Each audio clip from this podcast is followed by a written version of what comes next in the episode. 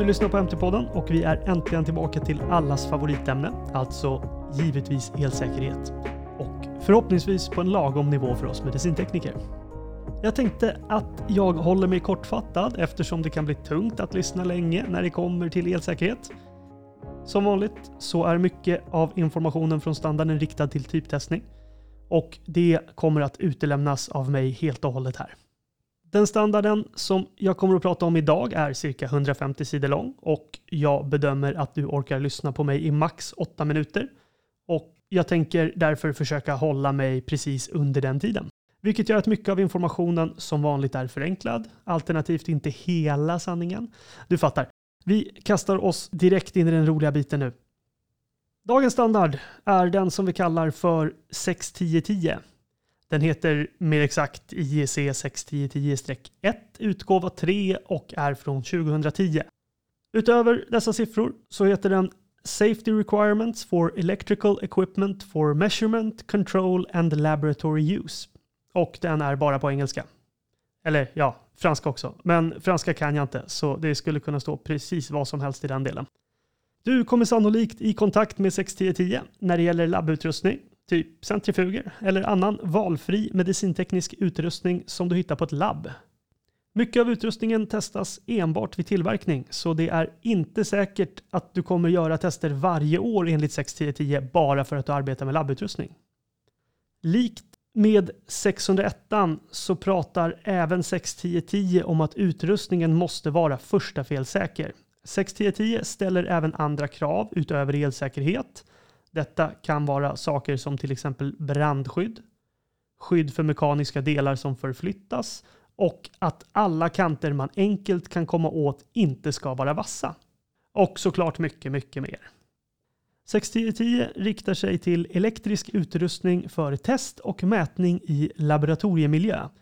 Även för utrustning för processkontroll inom tillverkningsindustrin. Ett roligt exempel är att den elsäkerhetstestaren som du använder för att göra en årlig elsäkerhetskontroll enligt 61010 är en produkt som ska vara testad och säker enligt 61010 från fabriken. 61010 riktar sig självklart också till det som vi bryr oss mest om, vilket är elektrisk utrustning som mäter, indikerar, övervakar, inspekterar eller analyserar värden av material, inklusive IVD-utrustning. När det gäller IVD-utrustning så tar 61010 hänsyn till att utrustningen faktiskt inte måste befinna sig på ett labb.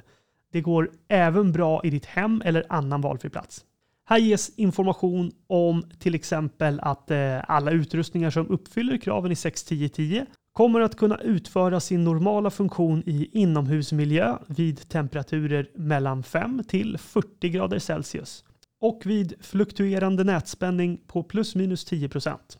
Det finns självklart fler krav än så och dessutom lite olika valmöjligheter som bland annat det 61010 kallar för Extended Environmental Conditions. Klarar utrustningen av detta så kanske du till och med kan vara utomhus med din produkt.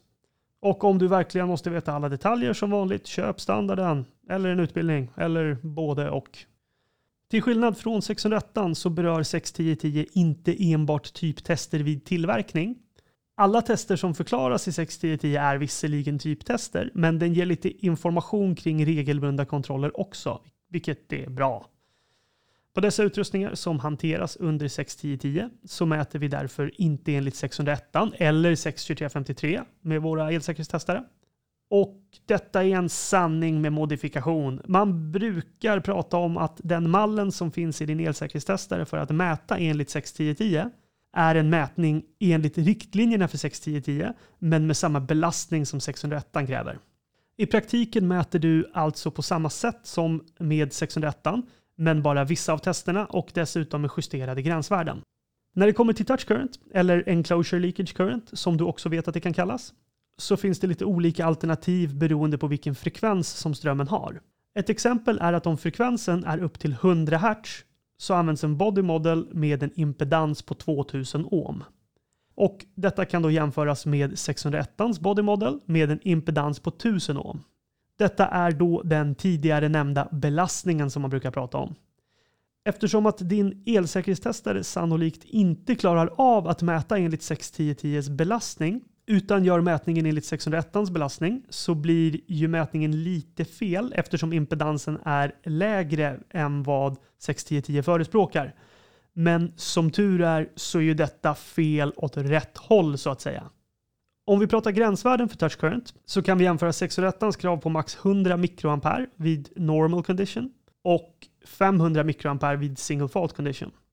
Detta ställs mot 61010s 500 mikroampere vid normal condition och 3500 mikroampere vid single fault condition.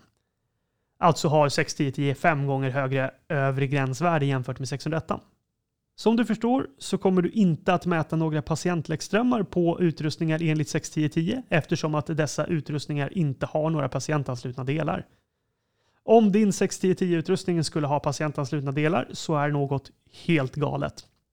När det gäller generell information om årliga kontroller så finns den informationen i Annex F. Den hjälper dig att avgöra om din utrustning kräver årligt underhåll eller inte. Som vanligt mycket om och men. Det finns undantag, men man kan väl förenklat säga att om utrustningen innehar egenskaperna för både Hazardous Live Parts och Accessible Conductive Parts enligt 61010s definitioner så ska du utföra årligt underhåll minst i form av elsäkerhetstest. Och för er som tänker, vad innebär det då? Så är det ungefär så här det ligger till. Hazardous Life Parts innebär alla delar som är kapabla att potentiellt kunna leverera en elektrisk chock. Och Accessible Conductive Parts innebär alla delar i ledande material som du skulle kunna komma åt med ett finger. Så om din 61010-utrustning uppfyller dessa två så kör du elsäkerhetstest med jämna mellanrum helt enkelt. Du har lyssnat på ännu ett elsäkerhetsavsnitt. Bra jobbat! Jag har försökt att förenkla så långt som möjligt för att höja nivån på allmänbildningen lite. Om du tycker att något fattas eller är oklart, hör av dig till nyfiken mtpodden.se. Podden görs i samarbete med Lars Karlsson och Svensk Medicinteknisk Förening. Glöm inte att följa oss på LinkedIn. Over and out.